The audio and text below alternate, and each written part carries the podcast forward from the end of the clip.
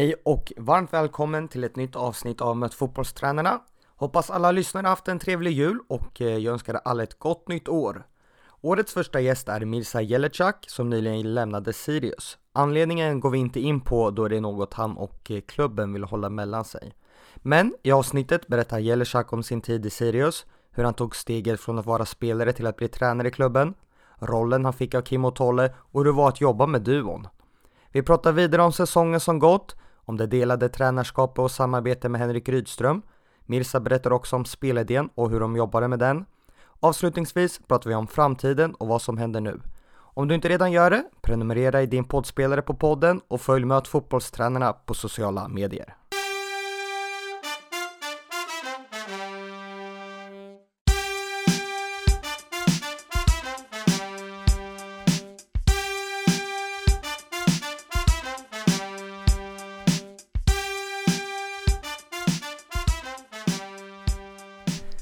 Hej och varmt välkommen Mirza Jelecak till tack. Möt fotbollstränarna. Stort tack. Hur är läget med dig? Läget är eh, lugnt. Väldigt lugnt skulle jag säga. Eh, brukar, brukar vara lite hektiskt här dagarna innan jul. jul men, men eh, under julen så brukar det oftast vara, vara lugnt och skönt.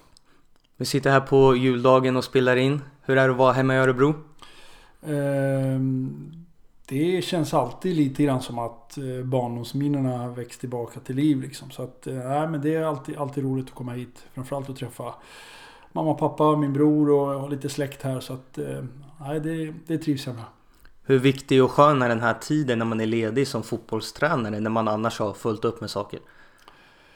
Ehm, ja, jag tror att... ehm, jag tror ibland att man Ehm, överskattar att jobba för mycket eller grotta ner sig i saker och ting. Och man får ett annat perspektiv när man är liksom off eh, några dagar eller några veckor. Så att eh, då... Då går man ner i tempo i, i tankarna i huvudet kring fotboll. Så att eh, nej, den tror jag är, är viktig. Men ehm, jag tror att både jag och flera andra med mig gör det misstaget att man, att man tror att man måste arbeta hela tiden och tänka ut nya saker. Eh, Så att jag tror att den är viktig. Är du bra på att koppla bort fotbollen? Nej, det skulle jag inte säga. Har du försökt med några metoder för att just komma bort från den? Ja, på sätt och vis är ju, familjen eh, i det avseendet är det ju, hjälper ju väldigt mycket. I och med att man, eh, man, har, man känner ändå ett stort ansvar gentemot familjen. Och, eh, oftast får man ju lite skuldkänsla att man inte räcker till för dem. Så att eh, då gör man ju sitt bästa där. Men, men eh, eh, nej, jag vet inte faktiskt. Det, det känns som att just familjen gör mycket att man liksom kan koppla bort det. Men det finns någonstans i bakhuvudet där ändå. Innan vi kör igång med faktarutan, fick du någon trevlig julklapp igår?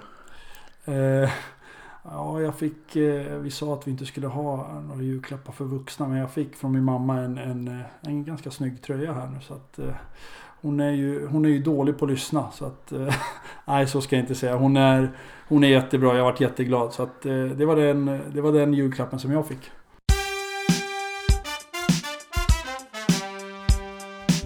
Ålder? Eh, 36. Familj? Jag har en sambo, Beatrice. eh, Och jag har eh, en son som är två år, heter Frank. Och en, eh, en dotter som är sex år, Adele. Bor? Bor i Stockholm. Bästa spelen du har tränat? Bästa spelaren jag har tränat. Eh, Får jag bara säga en eller? Du får säga fler om du vill. Eh, Kerim Rapti säger jag då. Vad är det du ser för egenskaper hos honom? Eh, fantastisk person att jobba med för det första. Eh, väldigt lyhörd, mycket energi. Eh, och så såklart enorma egenskaper som, som fotbollsspelare. Har huvudet, har fötterna, har, har eh, speeden, har fysiken, eh, har det mesta. Favoritlag? Eh, de känslorna har väl svalnat. Men jag brukar, jag brukar följa Arsenal. Eh, så liksom. Så att, eh, jag får säga dem. Vad tror du om Arteta nu som har gått in som ny tränare? Spännande. Eh, dock eh, så vet jag inte riktigt. Han är ju också lite oprövad just på den nivån. Eh, Precis som, precis som Ljungberg. Men eh, känns som Arsenal agerar självsäkert nu när de tar in honom. Men det, det återstår att se. Vi får se. Han, eh, han tror jag ändå är, liksom, har någon grundtanke som passar ihop med den filosofin som de har haft, haft tidigare. Så att på det sättet tror jag att det är rätt. Förebild? Um, sånt här ska man vara bra på va? Att säga. Det är, jag tycker det är viktigt med förebilder för att det skapar motivation och uh, drivkraft på att, um, att, att man kan göra. Så att, men då får jag väl säga Menar du fotboll då eller rent allmänt? Kan vara både och. Ja, men Nelson Mandela säger jag då. Han är intressant man. Um, kan lära mycket så att han är bra. Och fotboll har jag väl plockat lite från flera men jag gillar ju Cruyff och Guardiola är ju liksom står högt. Men det, det säger ju allihopa sådär så att men visionärer, jag gillar det. Vad är det just hos dem då du försöker plocka in? Är det bara ledarskap eller är det fotbolls... Alltså rent ute på planen liksom? Ja, men just från dem så är det nog mer rent fotbollsmässigt så att säga. Rent taktiskt och eh, träningsmässigt och hur man lär ut och så vidare. Men, men eh, de har ju såklart bra egenskaper som ledare också sådär. Men eh, där är liksom kärnan i det så att säga. Sen jag, jag gillar ju fler. Jag gillar ju Sacchi som eh, var en stor tränare i Milan och jag växte upp och hade van Basten som idol så var ju han en visionär på sitt sätt och, och införde någonting helt nytt i, i, i Italien. Eh, så att det finns flera. Naturgräs eller konstgräs? Uh, ja, det är ju självklart egentligen. Jag, jag säger bra gräs. Sen om det är plast eller om det är vanligt gräs. Men bra underlag tror jag är viktigt för att kunna spela bra fotboll och uh, ge publiken det, det de vill se så att säga. Så att, bra underlag. Och har vi möjlighet att ha det på gräs eller hybrider eller vad det nu är så absolut. Men så ser inte verkligheten ut för många lag och det är oftast inte laget som styr det utan det är kommuner och, och näringsliv runt omkring som, som bestämmer det. Eh, så att eh, jag tror att alla ser en bra gräsmatta. Kostym eller träningsoverall på match? Eh, inget av det tänkte jag säga först. Eh, jag tycker man ska klä sig i det man tycker är bekvämt. Eh, jag brukar väl köra någon form av jeans och kanske någon jacka eller tröja eller något sånt. Så Men eh, jag trivs bättre i träningskläder om man säger så än en kostym. Så att om det är bara de två alternativen så säger jag det. Vad gör du på match då? Eh, det beror alldeles på. När spelas matchen? Är det bortamatch? Är det hemmamatch? Eh, vilken tid? Är det sen match? Är det lite tidigare match? Eh, men eh, Grunden brukar väl vara att jag, eh, och också om vi har, ska ha någon genomgång på matchdagen. Då brukar man ju fundera, fundera kring hur man ska lägga upp den så att säga. Eh, och ibland väljer man att ha det dagen innan och så. Men eh, grunden är väl att jag brukar gå igenom lite scenarion i huvudet. Vad som kan hända och eh, om vi har fått ut rätt budskap. Och om det är någonting som sista som behöver tryckas på. Och vad är det viktigaste i det kanske. Och, och försöka förstärka det. Ehm, sen brukar jag väl eh, försöka också att ehm, ehm, om jag kan, om jag har möjlighet att, att träna eller göra någonting annat. Ett par timmar åtminstone. Men det beror alldeles på. Eh, så att det är lite olika. Favoritsyssla utanför fotbollen? Favoritsyssla? Ehm, ja men eh, det blir ju väldigt mycket fotboll såklart men eh, familjen är ju såklart eh, liksom det primära i det. Sen tycker om att, att resa, tycker om att um, om jag hittar en bra bok så kan jag fastna i den. Eh, eller någonting om eh, någon vetenskaplig artikel kring. Det brukar oftast bli någon fotboll eller något sånt. Eller, ja, det, det är lite Jag kan se en bra dokumentär, det gillar jag också. så att, ja man försöker koppla bort lite annat också genom att använda böcker eller tv eller dator. Dokumentär, någon serie också funkar också ibland. Eh, även om det blir väldigt sällan. Har du några serietips? Oh, ja, jag har sett en serie nu senaste halvåret. Och det var ju den här eh, Vår tid är nu. Eh, så den är, den är väl helt okej.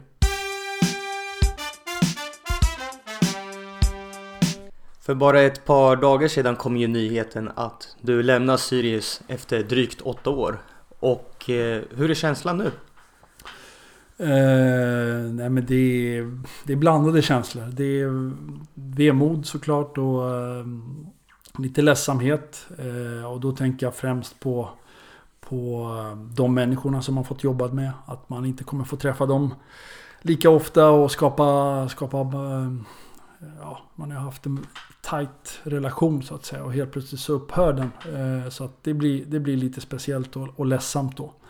Men samtidigt så ser jag också fram emot nya utmaningar och förhoppningsvis träffa nya människor och lära mig något nytt. Och, och eventuellt också skapa lite energi hos andra och, och lära någon, eh, någon annan eh, mina idéer eller få fram mitt budskap och sådär. Så att, eh, det ser jag ju fram emot. Så att det är lite läskigt, lite blandade känslor, eh, lite vemod. Eh, men också lite ja, jag ser fram emot det också. Du kom ju till Sirius 2012, men då som spelare. Hur mm. såg övergången ut att gå från spelare till att bli tränare? Eh, ja, jag... Eh, I min första match i Sirius så, så eh, skadade jag knät allvarligt. Eh, efter fem minuter. Eh, så att... Eh, det blev inte den, eh, den karriären som jag hade hoppats på i Sirius sådär. Så att eh, just i det skedet så var, var jag ju eh, ledsen såklart och, och bedrövad kring det. Att jag inte kunde hjälpa laget eller, eller spela fotboll själv. Så att eh, under den perioden så växte nog fram de här eh, liksom, tankarna hos mig. Eh, och, och senare så, så blev det också att jag blev involverad i, i i Sirius Akademi. Eh, pojkar, eh, pojkar 14 då, 99 på den tiden. Ehm, så att, ehm, och just eh, liksom den övergången. Eh, sen när jag kom tillbaka efter min skada så, så blev det väl aldrig riktigt så bra som, som, ehm, som tidigare. Och så fick jag erbjudande av, eh, av Kim Bergstrand och Thomas Lagerlöf och, och jobba ihop med dem en kombinerad tjänst med att jobba på Sirius Akademi och, och NIU och sådär. Och hjälpa till eh, kring, kring eh, A-laget och u laget Så att eh, den var... Den kändes naturlig på något sätt. Fast jag var jätteglad såklart över att jag fick den möjligheten. Så. Precis som du nämnde så jobbade du ju lite inom akademin samtidigt som du var skadad eller spelade. Gjorde det på något sätt att du valde att satsa tidigare än vad du hade trott på att bli tränare? Nej, det skulle jag inte säga. Jag tror att jag hade de tankarna redan när jag var 26, 27. Och det här var ju 3-4 år senare att eh, jag kommer nog... Eh, jag kände nog att jag ville jobba med det eh, efter min karriär. Eh, så att eh, de tankarna hade jag redan liksom eh, haft i huvudet lite grann några år innan det. Så att, men de, de blev ju starkare ju mer, ju mer jag fick jobba med det och ju mer jag fick utöva det så att säga. Hur skulle du säga att det var att jobba med Kim Bergstrand och Thomas Lagerlöf? Eh, ja, för mig var det ju den bästa skolan som man kan tänka sig. Eh, två, två människor framförallt som jag respekterar mycket och har eh, som, som är Bra människor helt, helt enkelt. Duktiga på det de gör. Har eh, stor integritet och de är, eh, kan lära ut och kan också få folk att, att växa omkring sig. Så att, eh, nej, det var glädjande för mig absolut och en, och en väldigt bra skola. Har de på något sätt blivit att du vill gå lite i deras fotspår? Har du lärt dig mycket av dem? Ja men jag har, ju, jag har ju tänkt på det såklart själv liksom att eh, jag är nog rätt, rätt så mycket formad utifrån det, det vi jobbade och det de lärde mig så att säga. I och med att jag var ganska, ska man säga, jag var väldigt eh, ny i, i, i den rollen så att säga. Så, att, så att det är klart att mycket idéer och mycket av tankar har jag fått från dem. Eh, blandat med mina egna såklart. Så, så att, eh, nej, men det tror jag att de har påverkat eh, sättet jag ser på fotboll och sättet jag ser på ledarskap eller eh, lärande. Eh, eh, mycket. Det tror jag att de har. Hur såg din roll ut med de två i A-laget? Ja men i och med att vi jobbade ihop ganska, ganska så länge. Eh, vad är det? Fem år tror jag. Eh, i, I en ledarstab så var, såg den ju lite annorlunda. I början så, så var jag ju mer involverad. Eller jag var involverad där hela tiden i, i kring A-laget. Men då hade jag också en eh, akademitjänst som bland, eh, liksom en blandad tjänst med med eh, akademin. Så, så jag la mycket tid på det också. Eh, blandat med A-laget. Men jag var ju hela tiden med hos dem. Eh, sen så har ju den rollen växt lite grann. Att jag fick ta lite mer ansvar i A-laget och jag fick ta lite mer eh, göra, göra det som de gör så att säga. Eh, mer och mer under årens gång. Eh, och växa genom det. Och sen mot slutet så hade jag en annan tjänst då jag var också scoutingansvarig under 2018. Eh, blandat ihop med min, min tjänst som, som assisterande tränare till, till Kim och, och, och Tolle. Självklart kan det vara bra när man är ny inom tränarbranschen att kanske ha en assisterande roll i något för att vara med och se och lära. Men kände du på något sätt att det var att du blev frustrerad att de två också var där, att man kanske hamnar långt bak i hierarkin med att man vill få ut sina idéer eller fick du testa på mycket? Nej, det skulle jag inte säga. Jag tror att jag... Jag tror att eh, jag lärde väldigt mycket utav dem. Eh, men självklart så eh, diskuterar vi ju saker och ting och försöker föra fram våra tankar och eh, eh, inte alltid vi var överens. Men, men ju mer man pratar om saker och ting desto mer liksom kommer man fram till någon slutkärna och vad som är viktigast i det här liksom, och varför är det viktigt. Och, och så att jag tror att diskussionerna i det har, har, har hjälpt mig mycket. Nej, jag tror inte jag känner någon frustration i det utan eh, tydliga roller tror jag är viktigt eh, och det, det hade vi. Ehm, och ehm, det är självklart att de, eh, de lyssnar och, och lyssnar på mina idéer och, och, vad jag tycker och tänker. Men sen får man ju motivera dem. Eh, så att eh, det tror jag var viktigt att man fick tänka igenom. Varför eh, varför tycker jag som jag tycker? Eller varför tycker jag att det här är ett bättre förslag än, än deras till exempel? Eller vad det nu kan vara. Eh, att man fick tänka till att här måste jag faktiskt motivera mitt svar och, och på ett bra sätt för att få igenom sina idéer. Hur kändes det för din del när Kim och Tolle valde att lämna Fyrgården? Eh, ja, men först blev jag nog lite förvånad så liksom. Eh, för att jag hade ju räknat med att vi skulle gå in i, i 2019 ihop och, och, och jobba, jobba på som vanligt så att säga. Eh, eftersom vi hade avtal. Eh, sådär. Men sen så blev det ju, jag var glad för deras skull. För det är två eh, väldigt duktiga tränare. Och väldigt bra människor som jag var inne på tidigare. Så att, att de förtjänade få chansen i en, i en större klubb. Så, där. så det, var, det var glädje.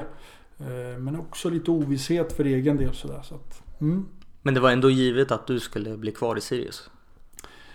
Givet vet jag inte men ganska snabbt så, så, så pratade jag med, med styrelsen, eller Ove, ska jag säga då, Ove Sjöblom som är vår, vår ordförande. Eh, att de ville ha mig kvar. Så att eh, i och med det och jag, eftersom jag själv ville vara kvar då så, att, eh, så, så, blev det ju, så blev det ju naturligt då att jag, att jag blev kvar.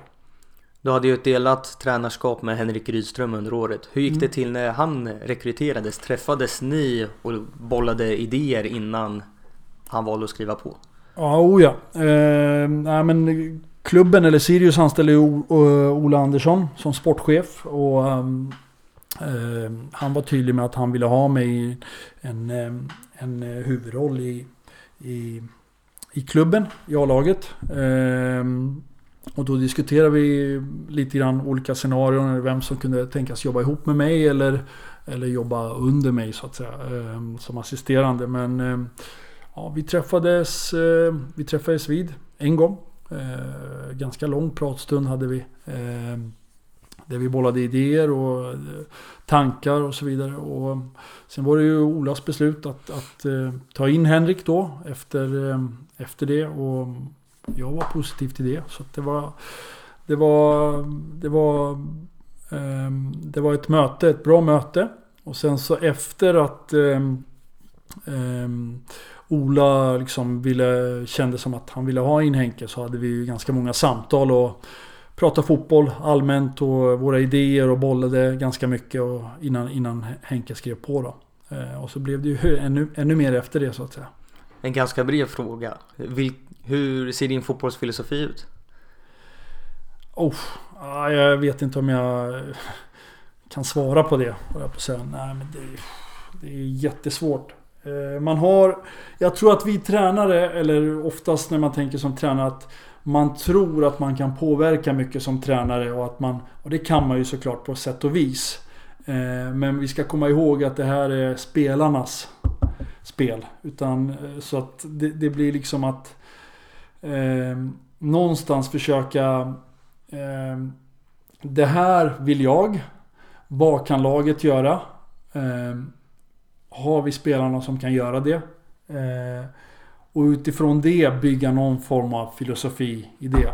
Eh, är det någonting som jag har lärt mig liksom framförallt under det här året att det, det är väldigt svårt och det tar lång tid innan man kan implementera sina idéer fullt ut. Eh, men med det sagt så, så, så har ju Sirius haft ett spelsätt och ett eh, arbetssätt som har varit framgångsrikt. Så att eh, min ambition eller min vision i det var ju att fortsätta och försöka utveckla det. Hur skulle du beskriva att eh, ert arbetssätt såg ut under 2019? Eh, det är en väldigt bred fråga men... men eh, Om du kan ta några exempel i några skeden? Ja, vi kan prata försvarsspel. Så hade vi någon form av liksom olika höjder på vårt försvarsspel. Vi hade högt, semihögt och lågt. Eh, och, och försöker behålla samma principer i det. Hur gör vi när vi går högt? Och skiljer de sig lite grann? Och vad är det som skiljer sig i så fall då? Hur ska man tänka? Eh, så att det var någon slags grund i det. Sen är det ju väldigt mycket upp till eh, individuellt vad som är viktigt. För vi kan ha världens bästa mall för så här vill vi försvara. Men om inte vi har bra individuellt försvarsspel så kommer det ändå bli svårt att, att stoppa motståndarna.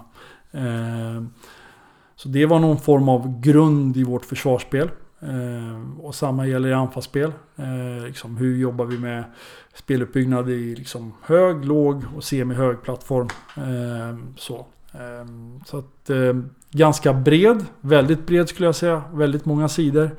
Men vi försökte också korta ner den och fick ner den till till liksom två A4-sidor. Okej, det här är de absolut viktigaste principerna.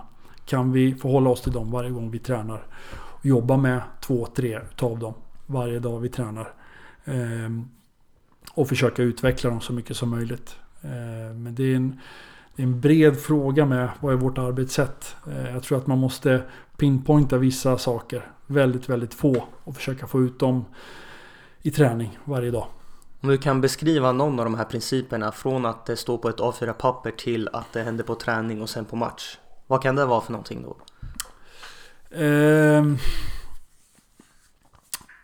ja, det kan vara till exempel att en av principerna är att eh, eh, om motståndarna är låga till exempel när vi anfaller ehm, så så bör vi vända spel två gånger från ytterkorridor till ytterkorridor innan vi går för ett genombrott. Ehm, det kan vara en princip. Det är för att vi vill få motståndarna att flytta sidor så att vi kan få lite fler ytor. Det kan vara i vilka ytor vill vi kombinera när vi ska in i, in i sista tredjedelen och skapa målchans. Inre korridorer till exempel. Ehm, ja, två exempel. Och sen i träning, hur tränar ni på det då? Ja, det kan man ju göra i mindre form eh, och i större form. Oftast i mindre form så blir det lättare att få fler sådana situationer. Eh, det kan vara en del i förberedelseträningen också. Eh, men sen så måste du få ihop lagdelarna i det. Du kan inte bara jobba med en lagdel eller två. Eller du måste jobba med alla, alla lagdelar eh, för att få ihop det. Eh, så att eh, det finns... Eh, det finns, eh, det finns många övningar hur man kan göra och vad man kan göra. Jag tror att man ska försöka hålla sig till eh, igenkännande för spelarna. Att, det är liksom, att man inte behöver gå igenom samma saker i en ny övning. Innan det flyter, innan man lär sig det så kan det nog ta ganska lång stund. Inte bara den träningen och så har man tappat en halvtimme på en, på en övning som man skulle kunna ha gjort för någonting som är igenkännande för spelarna. Eh, med samma principer och samma saker. Ehm, igenkänning i träning tror jag är viktigt. Hur har, är det där ni har jobbat mest för att försöka spelarna att förstå det ni vill spela eller hur mycket har ni jobbat med eh, videogenomgångar och, och sånt? Har ni visat upp det här dokumentet till spelarna eller? Ja, det har vi pratat om och det, det har de fått tillgång till. Eh, men det är ju en sak att ha det på ett papper eller ha, ha några klipp och det är en annan sak att praktisera. Men om vi ska prata om analysverktyg så tror jag att eh, video är den bästa ehm, verktyget. Ehm, och det använder vi. Tror att det är det bästa verktyget ehm, om vi bortser från praktik, det vill säga ute på planen. Eh, så det använder vi ganska ofta, både individuellt, lagdelsvis och med, med eh, hela gruppen eller kollektivt så att säga. Så att det, det är nog det verktyget som vi använder allra, allra mest. Nu ska jag citera dig vad du sa till Sirius hemsida. Mm. Att spela bollen är en del av vårt DNA, men vi ska ta beslut utifrån våra principer och det vi vill göra i spelet, inte vara naiva och göra saker som motståndarna ger energi. Hur ofta får ni då att spelarna att ta de här rätta besluten så ofta som möjligt? Ja, alltså någonstans så är eh, så min, min tanke är att jag, jag vill inte säga åt spelarna vad den ska göra. Eh, utan det ska... Eh, jag vill gärna hjälpa spelaren. Okej, om du positionerar dig till exempel i den här ytan. Eh, så kan du kanske spela åt, åt båda håll. Eh, men sen är det upp till spelaren. Vart kommer pressen ifrån? Eller var, var kommer, var, hur ser motståndarna ut? Hur ser de ut i sin organisation? Och utifrån det ta rätt beslut så att säga. Eh, och det, det är som, som någonstans blir då lärande att försöka eh, hjälpa spelaren så att den, eh, den, eh, den förstår sammanhanget om varför och, och berätta hur kanske. Men inte ta beslut åt spelarna. Utan det är spelarnas, eh, som jag är inne på tidigare, spelarnas spel och de tar besluten. I träningar, hur eh, brukar uppläggen se ut? Eh, hur menar du då? Hur, jobbar ni mycket med possession utan riktning eller försöker ni ha riktningsstyrt? Hur mycket försöker ni gå in och instruera och coacha? Det är lite olika. Eh, beroende på hur, hur, eh, hur veckan ser ut. Men man kan väl säga så här att vi har någon grundtanke om att eh, under en vanlig vecka så att säga att när vi spelar söndag söndag så, mm, så försöker vi implementera vårt arbetssätt ehm, eh, i början på veckan, i mitten på veckan. Eh, eh, så är det våra grunder i principer. Sen två dagar innan och en dag innan så försöker vi liksom implementera dem gentemot nästa motståndare så att säga. Så att de kanske kan bli lite mer taktiska, de träningarna, om man nu ska kalla dem. Lite mer instruktion. Ehm, ja, om det var svaret på frågan. Hur kan de här taktiska träningarna se ut? Om vi börjar med att du har, mm. om du kan berätta någon från någon match under säsongen att ni har scoutat ett visst motstånd och sen har ni sett det här och det här. Och ja. utifrån våra principer så gör vi det här på träningen. Kan du berätta om något sånt exempel om du har något på minnet? Ja, absolut. Det är, man säger två dagar innan match så brukar vi oftast eh, gå igenom eh, motståndarnas speluppbyggnad, deras anfallsspel och vårt försvarsspel. Hur vill vi göra i första pressen? Vilka spelare som, eh, som pressar? Eh, vilka är det som täcker? Var vill vi få motståndarna att spela bollen? Och utifrån det försöka positionera spelarna ut i, ut i de ytorna. Ehm, så det kan vara en grundtanke. Då blir det ju lite mer styrt, eller man ska säga, från, från, ehm, från tränarhåll så att säga. Ehm, men sen Sen är ju det en situation och det är kanske två situationer som vi kan gå igenom. Men på en fotbollsmatch så händer det ju tusen andra situationer som vi inte kan styra. Och där blir våra principer viktiga. Att okej, okay, vad vill vi i det här läget? Vill vi styra inåt? Vill vi styra utåt? Vem vill vi, eh, var vill vi att de ska spela bollen? Är det bakåt? Är det sidled? Är det fram? Alltså där blir våra principer viktiga. Att vi kan gå igenom några enstaka situationer som kan uppstå. Men vi kan inte gå igenom allt och därför blir våra principer alltid någonting som vi måste falla tillbaka på. Gör ni det här i spelform eller blir det som 11 mot 0 när ni bara förklarar och visar? Nej, 11 mot 0 sysslar vi sällan med. Eh, det blir oftast eh, med motståndare. Eh, det blir oftast riktningsstyrt. Inte alltid, men, men nio gånger av tio så blir det ju det. Eh, eftersom fotboll ser ut så. Hur skulle du beskriva att ditt och Henrik Rydströms samarbete har fungerat under året? Eh, nej, men det har varit en utmaning, absolut. Eh, vi har ju känt till varandra liksom tidigare. Eh, och, ehm, men, men, eh, men inte sådär nära så att säga. Så att eh, vi blev liksom lite ihoppusslade med varandra. Eh, och våra tankar och våra idéer och försöka liksom diskutera och komma fram till, till liksom enas om saker och ting helt enkelt. Att okej, okay, det här är det vi liksom... Och så försöker man backa varandra i det. Men den fördelningen såg ut...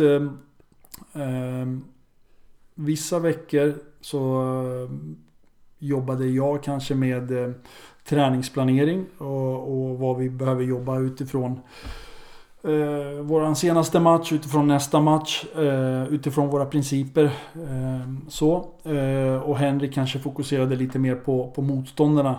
Eh, eh, inför nästa match så att säga.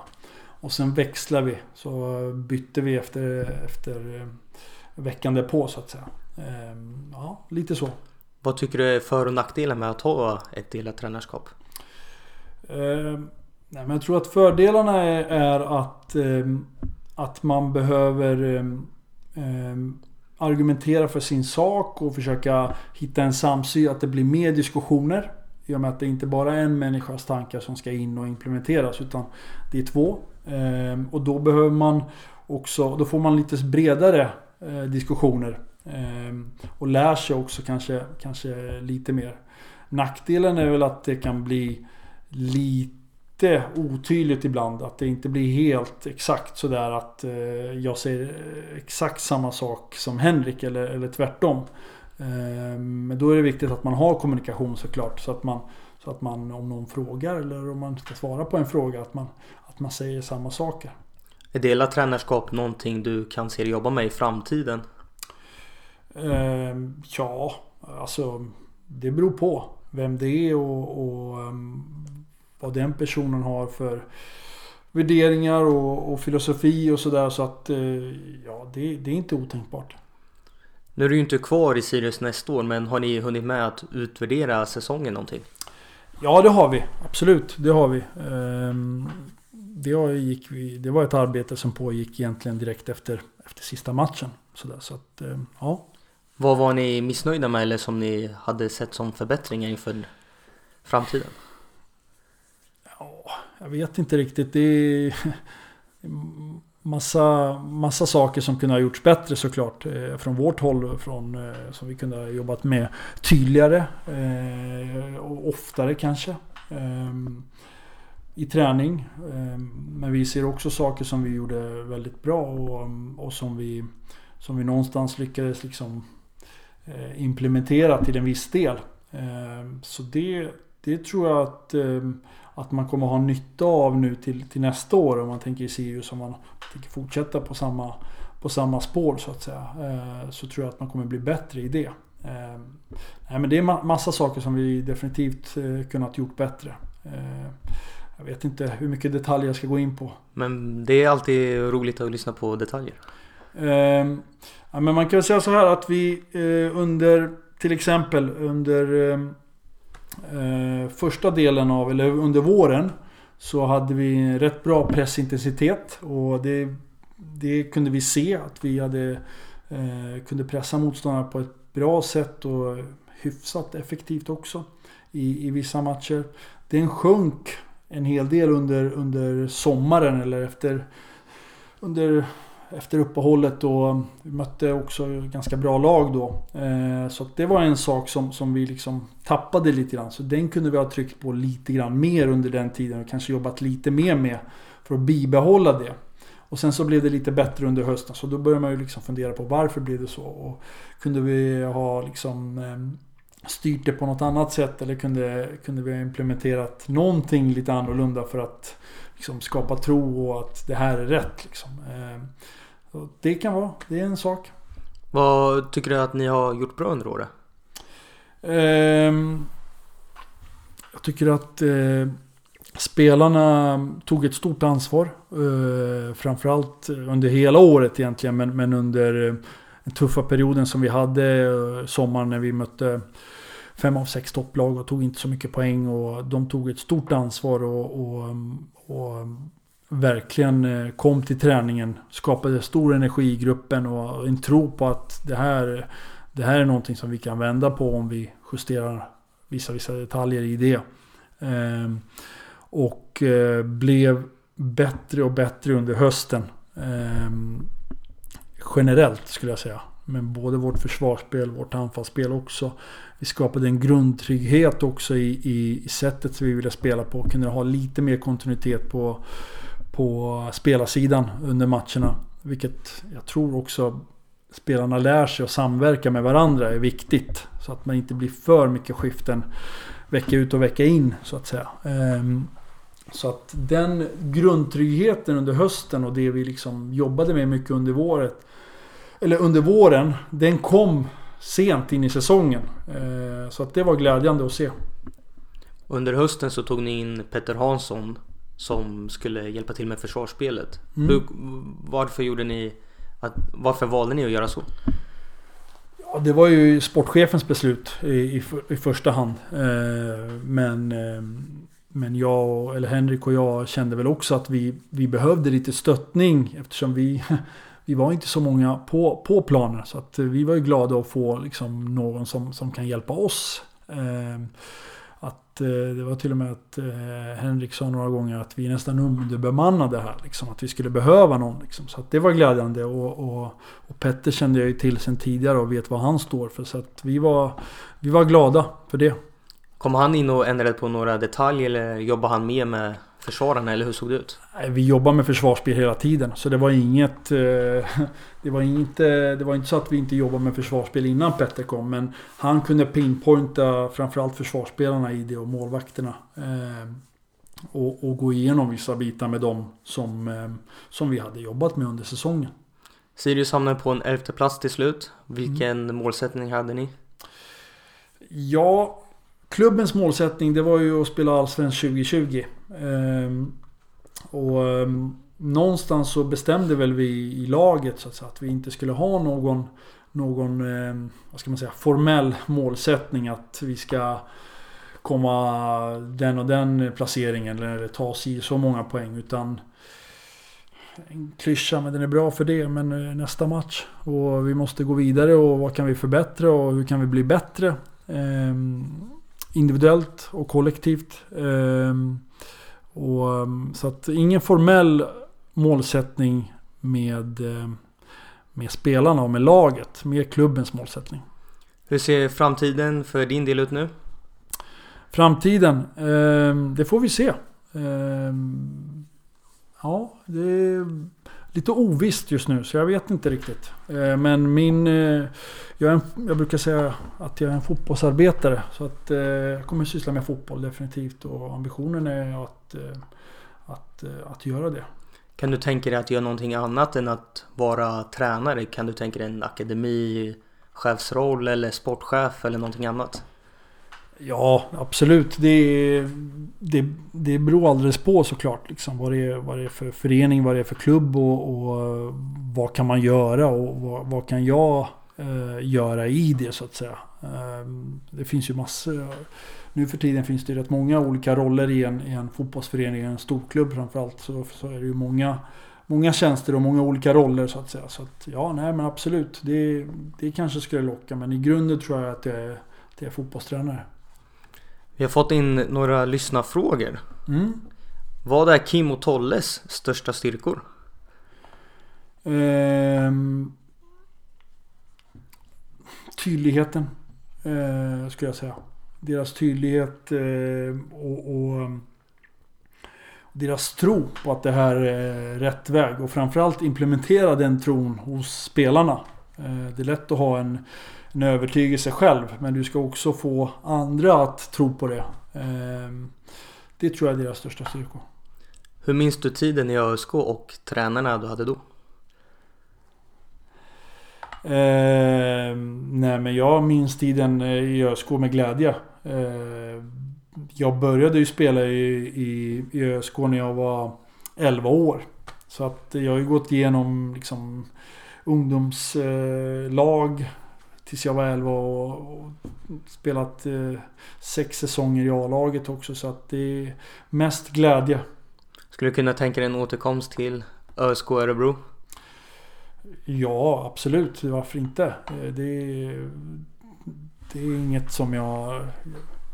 Som sagt, som jag sa här att jag är ju, jag är uppväxt här i den här stan och, och ÖSK har ju, har ju betytt en del för mig såklart. Så att, eh, ja, absolut.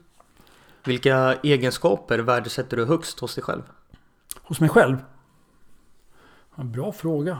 Ehm, då skulle jag nog säga min... Ehm, jag är principfast och eh, har en ehm, integritet som är mina styrkor men som också kan vara mina svagheter. Så att det gäller att ha en, en balansgång i, i det så att säga.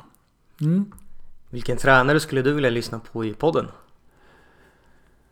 Eh, vilken tränare? Eh, oj då. Mm, det finns många bra tränare. Eh, men eh, jag säger... Jag säger... Ehm, jag gillar, jag gillar Andreas Pettersson som är ehm, assisterande tränare i, i, i GIF Sundsvall. Eh, han är intressant att, att lyssna på. Så att, får, jag kommer inte på något annat nu, jag får säga han då. Stort tack Mirza att du tog dig tid och vi väntar med spänning på nästa uppdrag. Stort tack.